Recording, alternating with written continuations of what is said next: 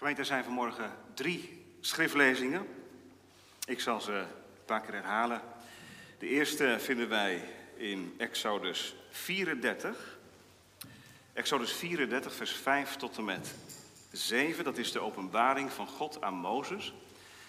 En daar maakt hij zich bekend als de God die rijk aan goede tierenheid is. En het woordje goede tierenheid in het Oude Testament is ook te vertalen met vriendelijkheid. Dus het woordje vriendelijkheid, wat wij vanmorgen behandelen, is niet alleen iets van het Nieuwe Testament. Ook de God van het Oude Testament is in wezen vriendelijk. En dat lezen wij in Exodus 34, vers 5 tot en met 7. En we moeten even bedenken dat dit volgt op de zonde met het gouden kalf. Dat is de achtergrond. Exodus 34, vers 5. Toen daalde de Heere neer in een wolk, ging daar bij Mozes staan en riep de naam van de Heere uit. Toen de Heere bij hem voorbij kwam, riep hij, Heere, Heere, God, barmhartig en genadig, geduldig en rijk aan goede tierenheid, vriendelijkheid en trouw, die goede tierenheid, vriendelijkheid blijft bewijzen aan duizenden die ongerechtigheid, overtreding en zonde vergeeft, maar die de schuldige zeker niet voor onschuldig houdt en de ongerechtigheid van de vaderen vergeldt aan de kinderen en kleinkinderen tot in het derde en vierde geslacht. Vervolgens de brief van Paulus aan de Colossense, derde hoofdstuk, vers 12 tot en met 15. Colossense 3, vers 12 tot en met 15. Daar roept Paulus de gemeente van Colosse tot het volgende op. Colossense 3 vanaf vers 12. En kinderen, de gemeente van Colosse moet iets aandoen. Jullie hebben vanmorgen je kleren aangedaan, mooie kleren. De gemeente van Colosse moet ook iets aandoen. Luister maar. Colossense 3, vers 12. Bekleed u dan als uitverkorenen van God, heiligen en geliefden, met innige gevoelens van ontferming, vriendelijkheid, nederigheid, zachtmoedigheid, geduld. Verdraag elkaar en vergeef de een de ander als iemand tegen iemand anders een klacht heeft. Zoals ook Christus u vergeven heeft, zo moet ook u doen. En doe boven dit alles de liefde aan, die de band van de volmaaktheid is. En laat de vrede van God heersen in uw harten, waartoe u ook in één lichaam geroepen bent. En wees dankbaar. Tot slot, 1 Petrus 3 is al een keer voorbijgekomen in de prekenserie. 1 Petrus 3, vers 8 tot en met 12. En daar roept Petrus de christenen tot het volgende op. 1 Petrus 3, vanaf vers 8. Ten slotte, wees allen eensgezind, vol medeleven. Heb de broeders lief, wees barmhartig en vriendelijk. Vergeld geen kwaad met kwaad of laster met laster, maar zegen daarentegen, omdat u weet dat u daartoe geroepen bent, opdat u zegen zult beërven. Want wie het leven wil liefhebben en goede dagen zien, die moet zijn tong weerhouden van het kwaad en zijn lippen van het spreken van bedrog. Die moet zich afkeren van het kwaad en het goede doen, die moet vrede zoeken en die najagen. Want de ogen van de Heere rusten op de rechtvaardigen en zijn oren zijn gericht op hun gebed, maar het aangezicht van de Heer is tegen hen die kwaad doen. Tot zover de drie lezingen uit Gods woord. Laten we Galaten 5 er maar even bijnemen, ter opfrissing ook. Galaten 5. We zijn uh, vanmorgen aangekomen bij het vijfde aspect van de vrucht van de geest. Vanmiddag het zesde, goedheid. Laten we een paar versen lezen nog uit Galaten 5, vanaf vers 17 tot en met 22. Waar Paulus schrijft, gelaten 5, vers 17, want het vlees begeert tegen de geest in en de geest tegen het vlees in en die staan tegenover elkaar, zodat u niet doet wat u zou willen. Als u echter door de geest geleid wordt, bent u niet onder de wet.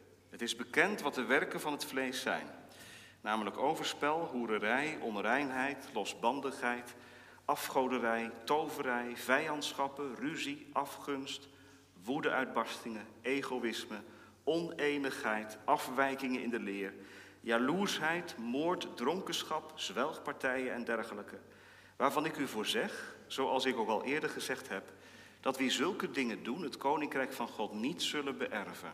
De vrucht van de geest is echter liefde, blijdschap, vrede, geduld, vriendelijkheid, goedheid, geloof, zachtmoedigheid, zelfbeheersing.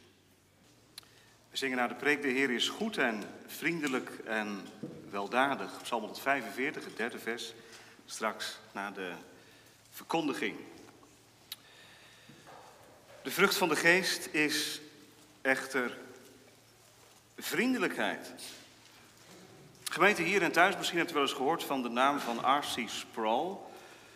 Dat, is een, eh, een dat was een theoloog, hij is overleden inmiddels. Dominee, heeft veel boeken geschreven. Theologische boeken. Boeken op het terrein van de verdediging van het christelijk geloof. Veel betekent, had een wereldwijde bediening.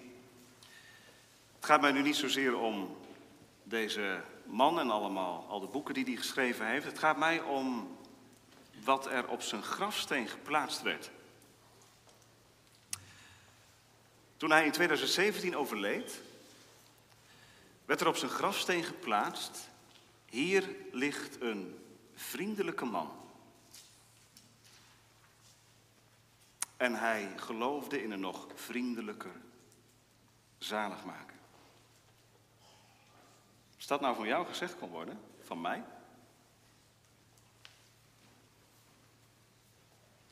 Zo stond hij bekend. Een vriendelijke man. En waarom was hij vriendelijk? Was dat een karaktertrek? Ik ken hem niet. Ik heb hem nooit gekend. Zou kunnen. Ik geloof vast dat die zaligmaker, die vriendelijke zaligmaker, de vriendelijkheid in zijn leven bewerkt heeft. Want als God vriendelijk is en als Jezus vriendelijk is, kan een christen dan anders zijn dan vriendelijk. Dat is een vrucht van de geest, zegt Paulus. Misschien had u deze, dit woord niet zo snel verwacht in dit rijtje met aspecten.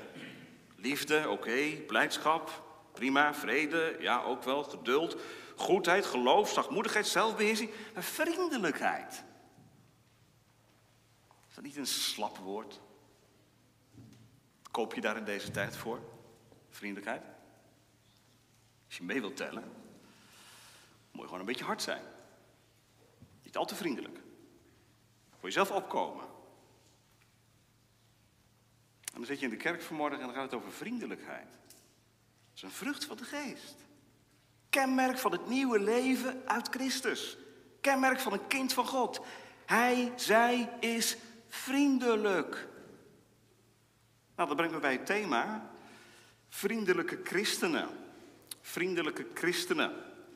We staan stil bij drie gedachten. Allereerst Gods vriendelijkheid als bron. Gods vriendelijkheid als bron. Want als we het hebben over vriendelijkheid, kunnen we natuurlijk heel veel dingen zeggen over vriendelijkheid. Maar waar komt het nou vandaan? Paulus zegt, het is een vrucht van de geest. Dus het komt bij God vandaan. God is vriendelijk. Dat is het eerste. Gods vriendelijkheid als bron. Het tweede, Jezus vriendelijkheid als voorbeeld. Als je nou ergens ziet, gemeente, dat God vriendelijk is, moet je kijken naar de Heer Jezus. In zijn leven zie je God in het hart. Jezus' vriendelijkheid als voorbeeld. En tot slot, onze vriendelijkheid als roeping. Ja, je kunt vanmorgen niet zeggen, ja, ik ben niet zo vriendelijk, mijn karakter is een beetje hoekig of zo. Nee, het is een roeping. Je hebt het gelezen, Colossense 3, 1 Petrus 3. En hier staat het, hè? de vrucht van de geest is vriendelijkheid. En de geest, ja, die maakt ons niet tot een leidend voorwerp. De geest spoort ons aan, wakkert vriendelijkheid aan. Dat is een roeping.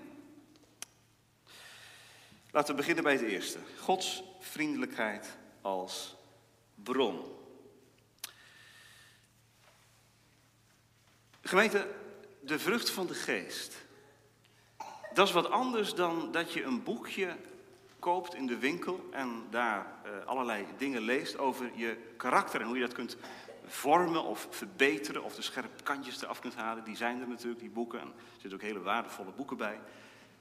Het gaat hier allereerst over wat de geest doet in levens van zondaren die tot geloof zijn gekomen in de Heer Jezus Christus. En als u zich afvraagt, ja, waarom staat vriendelijkheid nou in dit rijtje? Waarom staat het zelfs middenin? Ik weet niet of Paulus daar ook een bedoeling mee gehad heeft. De bepaalde ordening die er is, ik denk het wel, hè, de liefde voorop, vriendelijkheid middenin. Als u zich afvraagt waarom vriendelijkheid, ja, dan moeten we toch echt eerst zien wie God zelf is. En vriendelijkheid komt voort uit Gods hart. De psalmen die we zingen in deze dienst zijn daar denk ik een heel mooi bewijs van. Dat God een vriendelijk hart heeft en dat zijn ogen vriendelijk zijn en dat zijn handen mild, vriendelijk zijn en dat zijn werken, zijn omgang met de schepping, met de hele schepping en met zijn kinderen in het bijzonder vriendelijk is. Vriendelijkheid komt voort uit God. Even eerlijk, hè? Had jij, had u vriendelijkheid direct geassocieerd met God? Ik denk dat er heel veel mensen zijn vanmorgen die zeggen: Ik had eerder heiligheid of rechtvaardigheid of nou, barmhartigheid geassocieerd met God. Maar vriendelijkheid, dat denk ik toch niet direct aan als ik denk aan God. Nou, misschien is dit dan wel een correctie vanmorgen voor jou. Jonge mensen, hoe bid je tot God? Wat stel je je dan voor? Ja, je mag geen beeld maken van God. Nee, dat is zo. Maar toch doe je het wel hè, in je hoofd. Wie is God nou eigenlijk?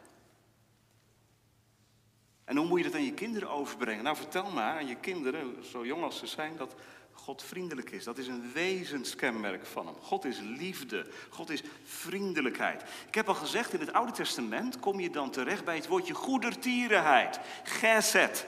En dat woordje geset kun je vertalen op heel veel manieren. De Statenvertaling kiest voor goede tierenheid. Komt ook terug in onze psalmbereiding, 1773. Maar ja, als ik u vraag wat is goede tierenheid, vertel maar. Eigenlijk een beetje een bijzonder woord, hè? Goedertieren. Niemand die precies weet wat het is. En dat laat ook de rijkdom zien van dat woordje geset. De vertalers van toen, drie eeuwen geleden, die hebben daar goede tierheid van gemaakt. In onze tijd begrijpen we dat niet meer. Maar het is een signaal voor ons dat het woord geset heel veel kanten heeft. Onder andere vriendelijkheid. In de Engelse taal kun je het net iets mooier vertalen. De Engelsen in de oude vertaling althans, die hebben het woord loving kindness. Loving kindness. Nou, dat is een prachtig woord. Gods karakter is loving kindness. Engelsen zeggen dat nog steeds, hè? Ze kunnen zeggen tegen je, very kind of you. It's very kind. Als je iets geeft, als je een dienst bewijst, dan zeggen ze niet, that's a kind thing. Nee, it's very kind. Dus het karakter van jou is kind, is, is vriendelijk. En dat komt uit in die actie. Nou, zo is God. Zijn wezen is vriendelijkheid. Exodus 34, we hebben het samen gelezen. Ik heb het laten lezen omdat dat het eerste, de eerste uh, nadrukkelijke onderstreping is van, van wie God is. God maakt zich bekend aan Mozes als de God die rijk is in goede tierenheid, die veelvuldig is in vriendelijkheid, die, die maar niet een klein beetje vriendelijk is, maar die zeer royaal is, overstroomt van goede tierenheid. Dat bewijst hij aan duizenden zegt Exodus 34. En ik heb u al gezegd, Exodus 34 volgt op die zonde met het gouden kalf. Op het moment, gemeente, dat God het volste recht heeft om te zeggen: En nu zal ik mijn wraak inzetten. Ik ga jullie vergelden voor alles wat jullie gedaan hebben. Ik zal mijn toorn laten ontbranden. Jullie hebben mij, met mij gespeeld en ik zal jullie vernietigen in een oogwenk. Openbaart God zich aan Mozes allereerst als de vriendelijke. Dat staat bovenaan. En ja, met die vriendelijkheid kun je sollen, kun je spelen. Daarom staat ook daarna dat God zijn wraak ook in kan zetten voor mensen die die vriendelijkheid verachten of ontkennen. Maar het allereerste, en daar gaat het mij vanmorgen om, het allereerste in de kennismaking met God is zijn vriendelijkheid. En Paulus is ervaringsdeskundige. Hij is de man die deze brief schrijft, gelaten. Hij weet als geen ander hoe vriendelijk God is. Hoe God het volste recht had om onvriendelijk te zijn. Om hem weg te stormen van voor zijn aangezicht. Heeft hij niet gedaan. Paulus, weet u wel, dat mannetje. Nou, dat was niet zo'n vriendelijk mannetje. Ik geloof, ik geloof het niet. Ik geloof dat hij heel verbeten, heel vijandig mannetje was. Onuitstaanbaar. Het was nou echt iemand met wie je niet snel in gesprek ging. Fel. Hij ijverde. Zo staat het ook in de Bijbel. Hè? Hij ijverde als geen ander en hij meende God een dienst te bewijzen. Dat kan. Religieuze mensen kunnen heel onvriendelijk zijn. Soms nog onvriendelijker dan niet-religieuze mensen. Dat is heel erg. Maar soms kom je in de kerk meer onvriendelijkheid tegen dan vriendelijkheid. Zoals bij Paulus voor zijn bekering. Wat een onvriendelijke man was dat. Ananias was doodsbang voor hem. Toen de Heer tegen Ananias zei, ga naar Paulus, zei de Heer, wat? Zei Ananias, wat? Paulus, die man die zoveel kwaad heeft gedaan?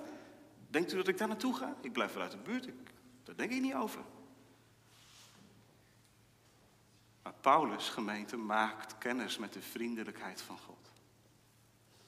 Je mag ook zeggen de genade van God. Onverdiende, eenzijdige, soeverein vriendelijkheid van God. Hoe dan? Het heeft God behaagd. Er was nou niks van mij bij, zegt Paulus. Het is echt helemaal niet aan mij te danken. Het heeft God behaagd. Het komt echt uit Gods hart. Zijn zoon aan mij te openbaren. Ik heb de Heer Jezus leren kennen en in Hem leren geloven. Als mijn middelaar die mijn zonde en mijn schuld op zich heeft genomen. Geloof je dat vanmorgen? Dat God zo is? Dat God niet je dood op het oog heeft, niet je ondergang, maar je redding? God is vriendelijk.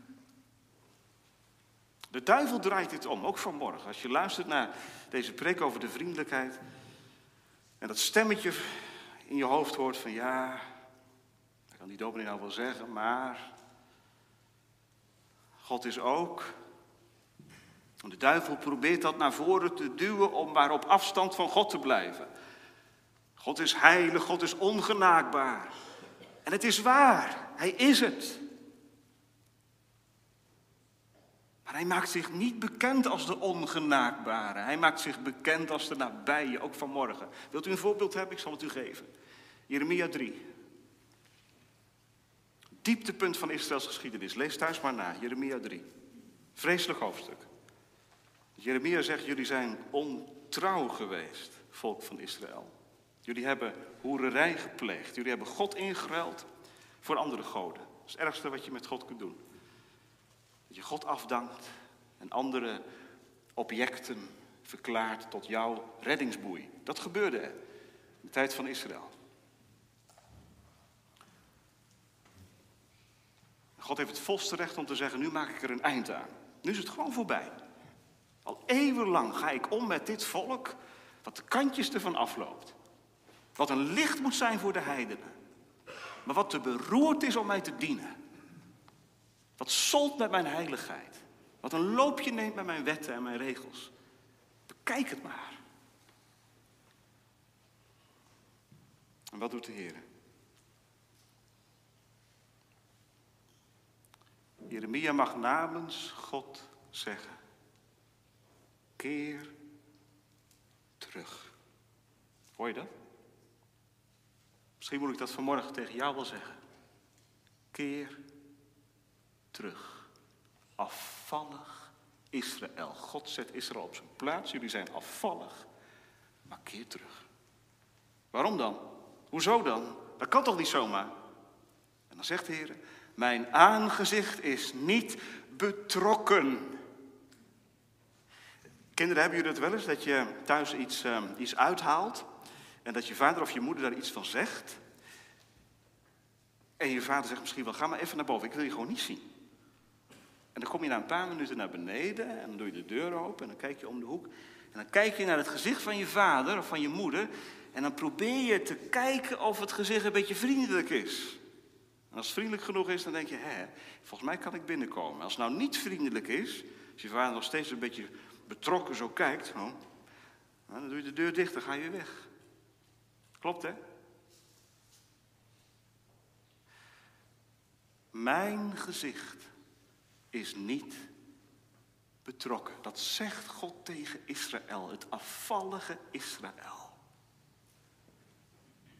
Zo kun je je voelen in de kerk misschien vanmorgen of thuis, als je meeluistert. Ik ben een afvallige, ik heb het weer niet gered deze week.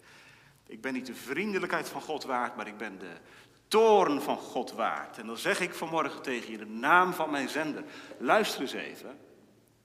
In de kerk mag je de vriendelijkheid van God ontmoeten. Wat je verdient is het tegendeel. Maar wat je ontvangen kunt, is zijn vriendelijkheid. Keer terug, bekeer je, kom terug. Want ik ben vriendelijk, ik ben goede tieren, spreekt de Heer. Werp het de duivel voor de voeten vanmorgen. Prent het in je hoofd.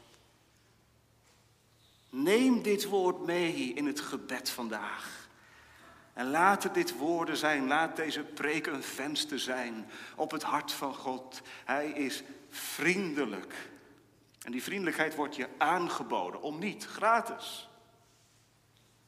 Om eruit te leven.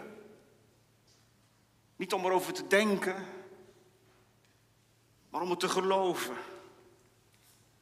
Vijanden worden met God verzoend. Dat is het evangelie. Dat is dankzij de vriendelijkheid van God. Nou, daar kun je toch alleen maar van zingen. Als je daarvan leven mag, toch? Als je de wet van God hoort vanmorgen. Zegt ik haal de maat niet. Zet God je niet buiten. Maar zegt ik wil je vriendelijkheid bewijzen. Loof de Heere mijn ziel. Nou, dat is het eerste. Die vriendelijkheid van God, dat is echt de bron. En daar wil Paulus ons ook hebben vanmorgen. De vrucht van de geest is vriendelijkheid. Het komt bij God vandaan. En de geest, die maakt dat wat in het hart van God zit, tot iets wat in het leven van een christen naar voren komt. Iets van die goddelijke natuur wordt een christen deelachtig, zegt Petrus in zijn tweede brief. Maar eerst nog een tussenstap. Dat is de tweede gedachte. Jezus' vriendelijkheid als voorbeeld. Jezus' vriendelijkheid als voorbeeld. Want ja, Gods vriendelijkheid, dat kan nog iets van, van heel ver af lijken. God is in de hemel, God is vriendelijk, God heeft een vriendelijk hart. Maar ja. Maar nu de tussenstap. In wie gemeente is nu de vriendelijkheid van God maximaal tot ontplooiing gekomen? Waar zie je nou dat God echt vriendelijk is? Ja, dat zie je in het leven van de Heer Jezus. Hij droeg de vrucht van de geest optimaal. Hij had geen last van het vlees. Wij wel, hij niet. Hij werd geleid door de geest.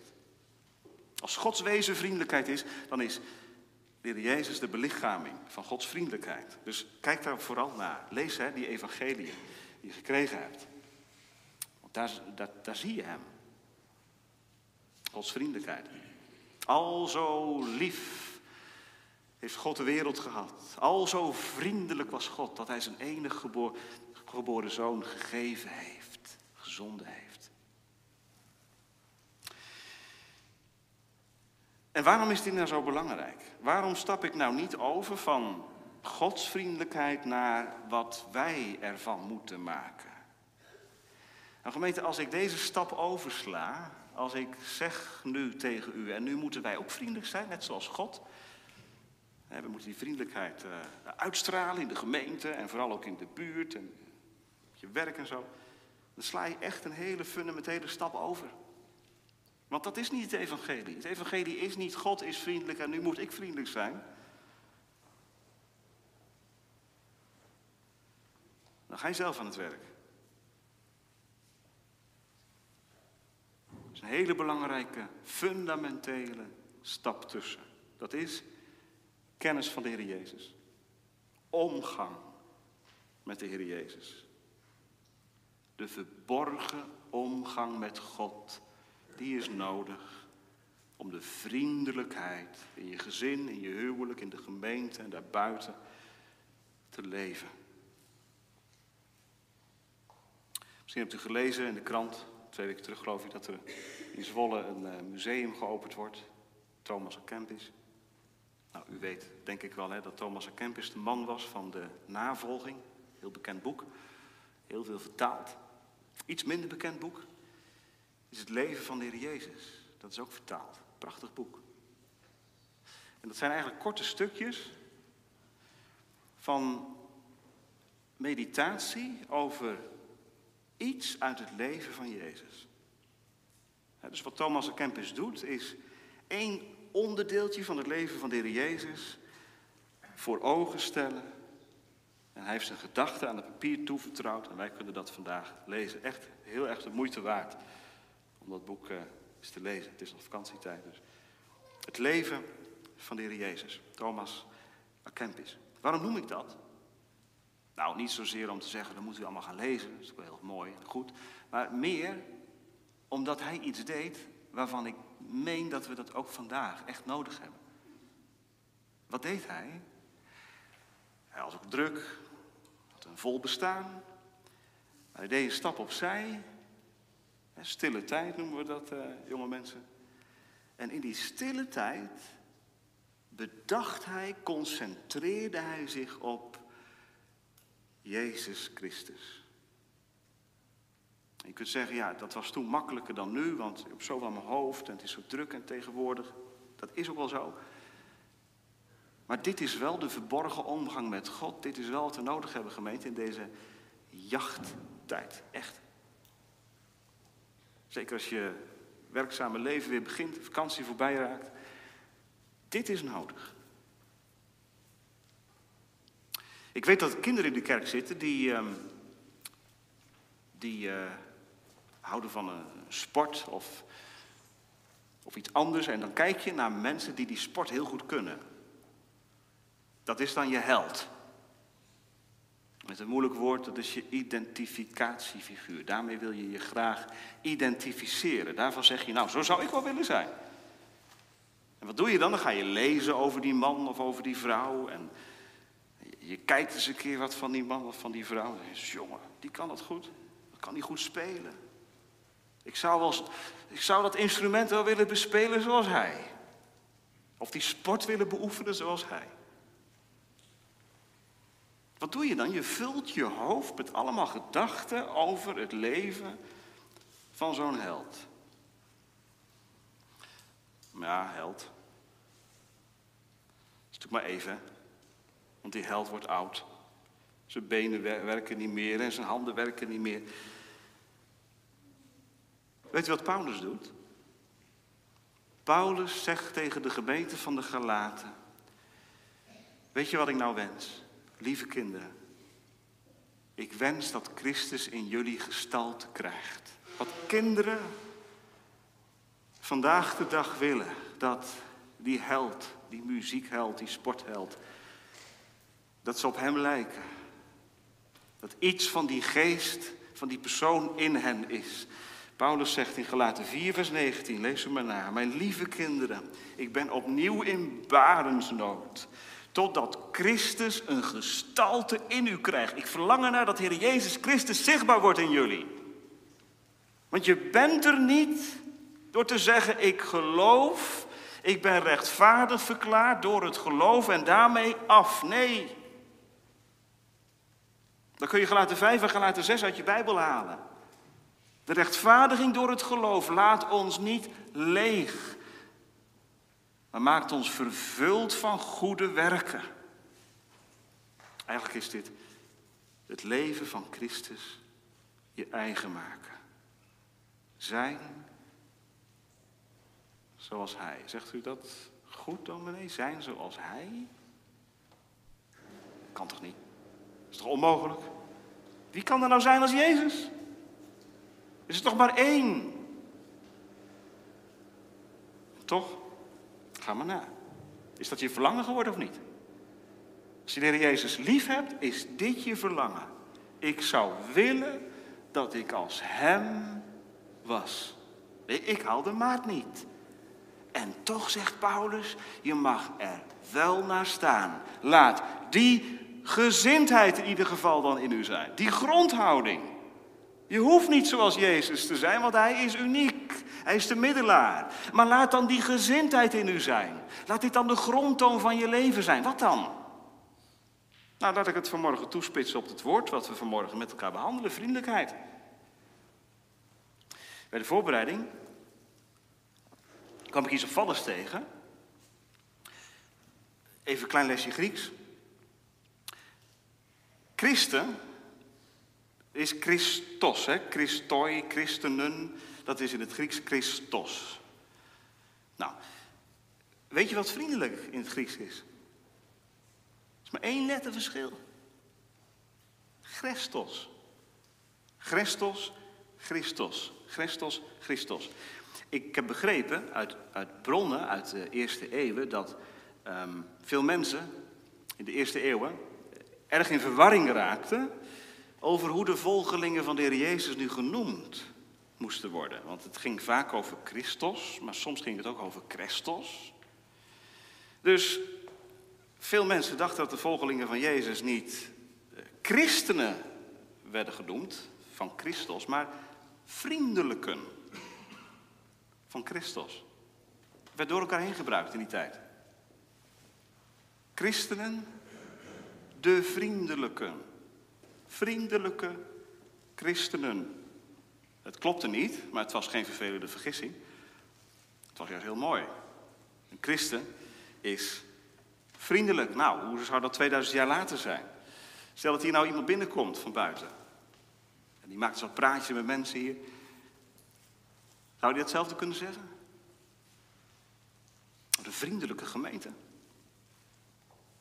Of in de buurt. Wat een vriendelijk gezin. Een vriendelijke man. Een vriendelijke vrouw. Prachtig toch? Misschien hebt u het boek ook wel gelezen van uh, Hildebrand, was dominee. Dominee Nicolaas Beets.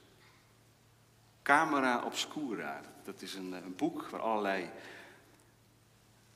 beelden worden beschreven van mensen. En ook, ook een meneer Nurks wordt beschreven door hem.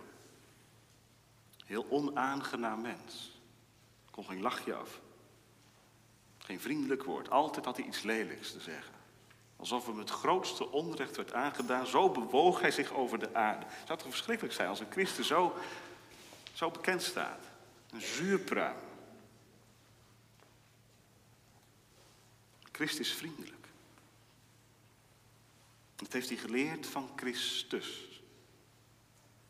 Heer Jezus. Ik geef u twee voorbeelden.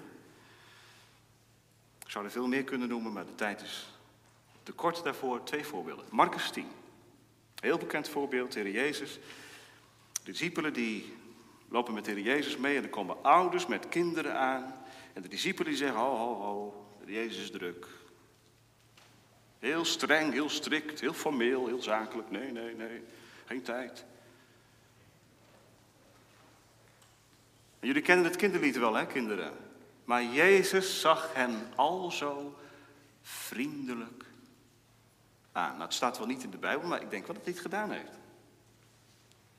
Hij zei tegen de discipelen, laat de kinderen tot mij komen. En hoe weet ik dat Heer Jezus vriendelijk is geweest? Omdat ik lees in de Bijbel, hij omarmde hen. Nou, als je iemand omarmt, ben je dan vriendelijk of niet? En hij zegende hen. Dus kinderen, dat wil ik nog eens een keer tegen jullie gezegd hebben vanmorgen. Wie is de Jezus? Hij is de vriendelijke zaligmaker die wil dat jij bij hem hoort, in hem gelooft en niet verloren gaat. Hoor je dat? Laat de kinderen tot mij komen. Niet vergeten. Dat is het eerste voorbeeld. Het tweede voorbeeld, Johannes 11, ook bekend. Lazarus die gestorven is. Althans, hij is ziek. En Jezus wacht maar en wacht maar, zo lijkt het althans. En hij komt te laat. Maar u weet, dat heeft een bijzondere bedoeling. Jezus komt niet zomaar te laat, Jezus komt op zijn tijd. Op zijn tijd. Als Jezus dan bij het graf van Lazarus is, dan zegt hij niet, oh dat is, dat, is, dat is zo gebeurd, ik zal hem opwekken uit de dood en het leven gaat weer verder. Nee, dan lezen wij, Jezus weende. Jezus huilt. Hij is begaan, vriendelijk, met het leed, fijngevoelig, fijn besnaard. Ik geloof dat er niemand op aarde zo fijngevoelig is geweest als de Heer Jezus. Hij weende. Die vriendelijkheid, gemeente, heeft hem alles gekost. Het heeft hem aan het kruis gebracht. Die vriendelijkheid werd veracht, gewantrouwd, belachelijk gemaakt.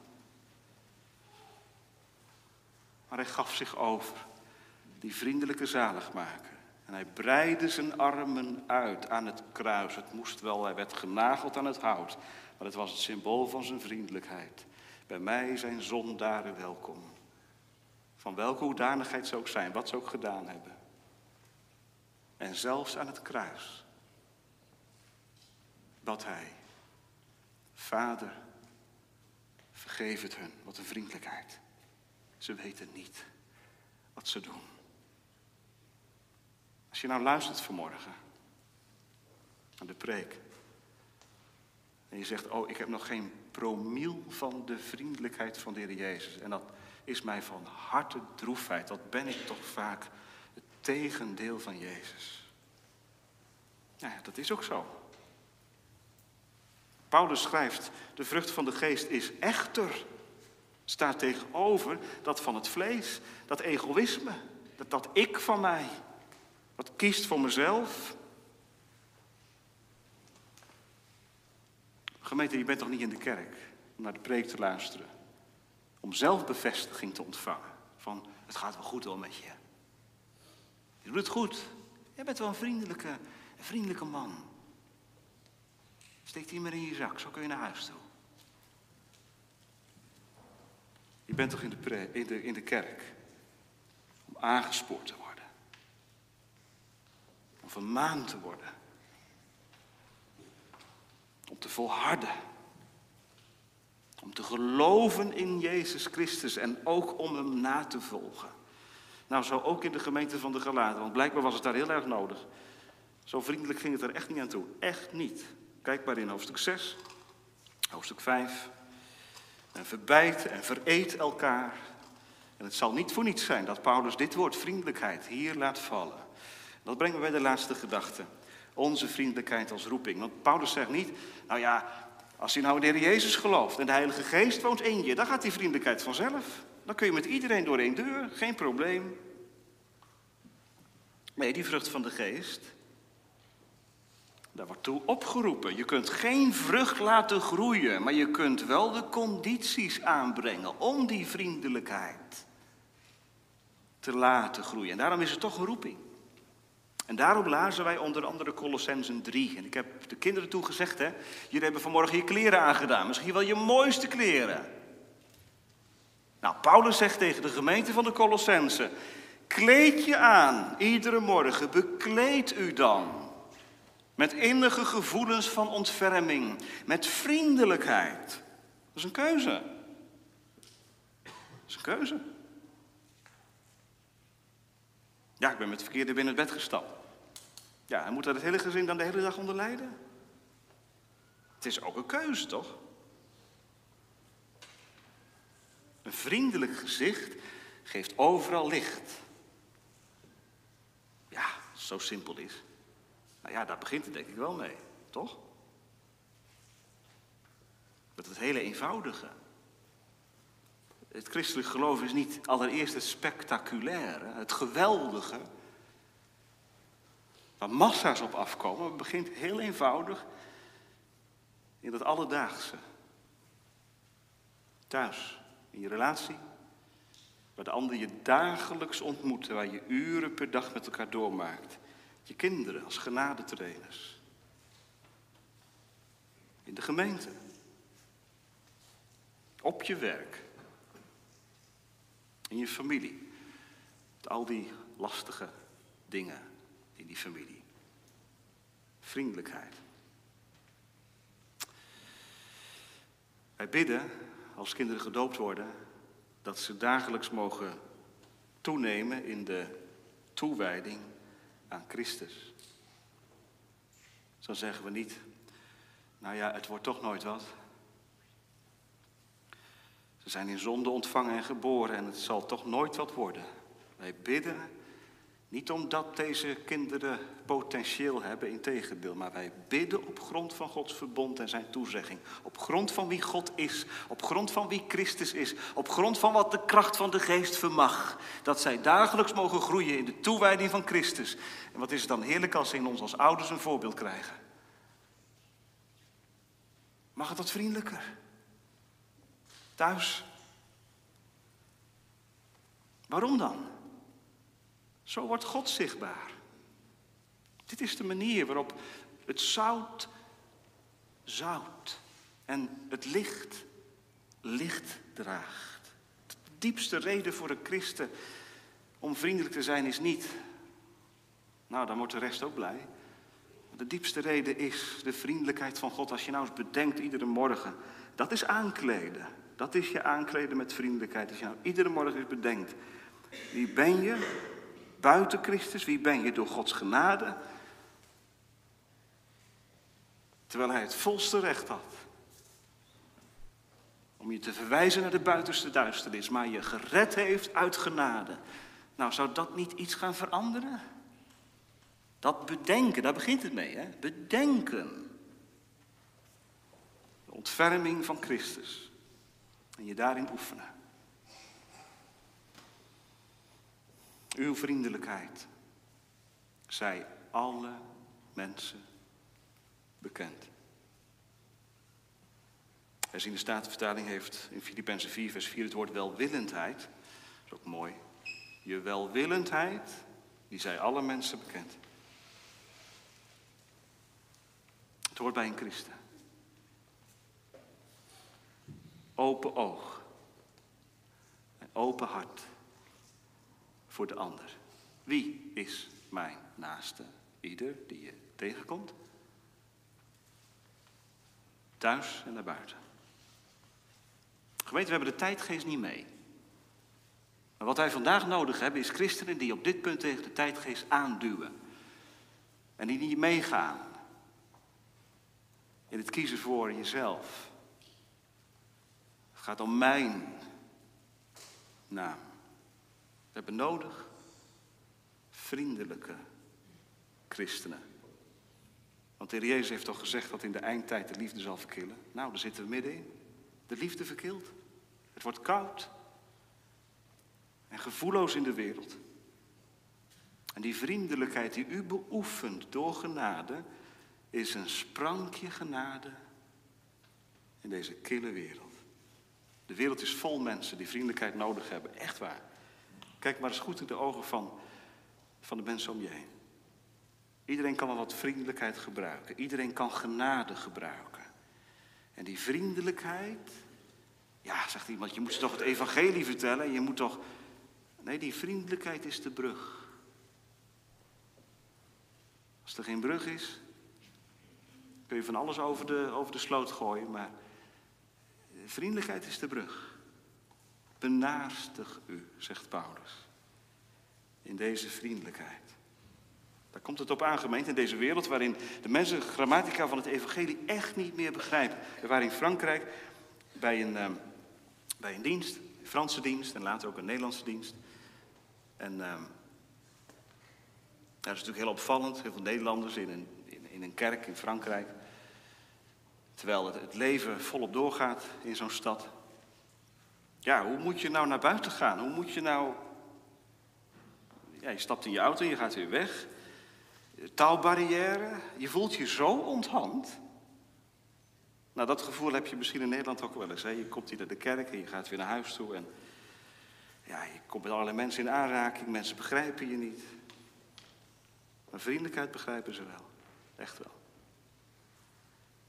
Wat zou het geweldig zijn als die vriendelijkheid, die leesbare brief van Christus is. Waardoor mensen getriggerd worden. Wat is dat toch? Want die man heeft genoeg op zijn bord. Toch vriendelijk.